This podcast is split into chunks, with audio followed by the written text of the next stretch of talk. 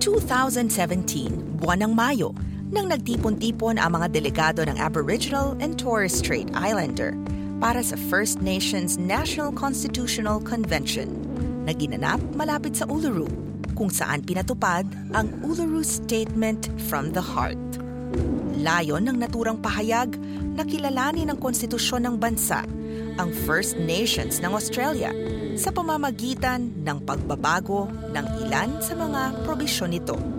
Binibigay namin ang pahayag na ito mula sa aming damdamin kasama ang mga kasapi ng National Constitutional Convention noong taong 2017. Ang mga tribo ng Aboriginal and Torres Strait Island ang kauna-unahang may karapatan, pagmamayari at jurisdiksyon sa buong kontinente at karatig isla ng Australia. Pinanghahawakan nila ang kanilang mga karapatan at pagmamayari sa bisa ng mga batas at kinagawian ng bansa. Kinikilala ito maging ng ating mga ninuno bilang bahagi ng paglikha ng mundo at kumakatawan sa kinikilala ng agham na bumuo sa mundong ginagalawan.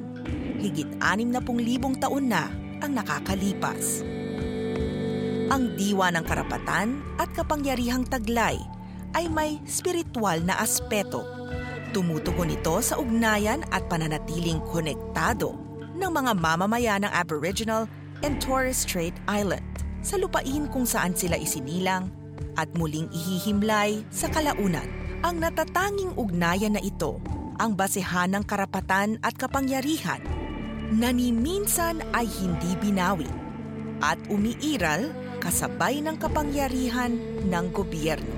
Sa pamamagitan ng pagbabago at reforma sa ilang probisyon ng konstitusyon, tiwala kami na ang kapangyarihang ito ay buong-buong kakatawan sa pagkakakilanla ng bansang Australia.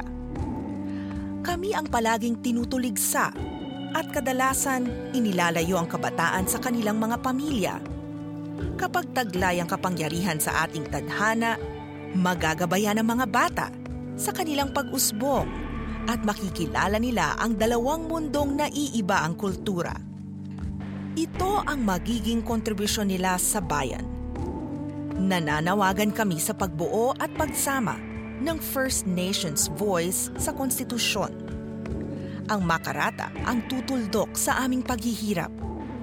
Hiling namin ang pagbuo ng Makarata Commission para mangasiwa sa kasunduan sa pagitan ng mga gobyerno at First Nations. Daing namin na maisulong at maipatupad ang mga reforma ng mapuna ng puwang at mapakinggan ang aming tinig. Noong 1967, kami ay kinilala. Noong 2017, hiling namin mapakinggan. Lilisanin namin ang kasalukuyang tirahan at lilibutin ang malawak na bansa.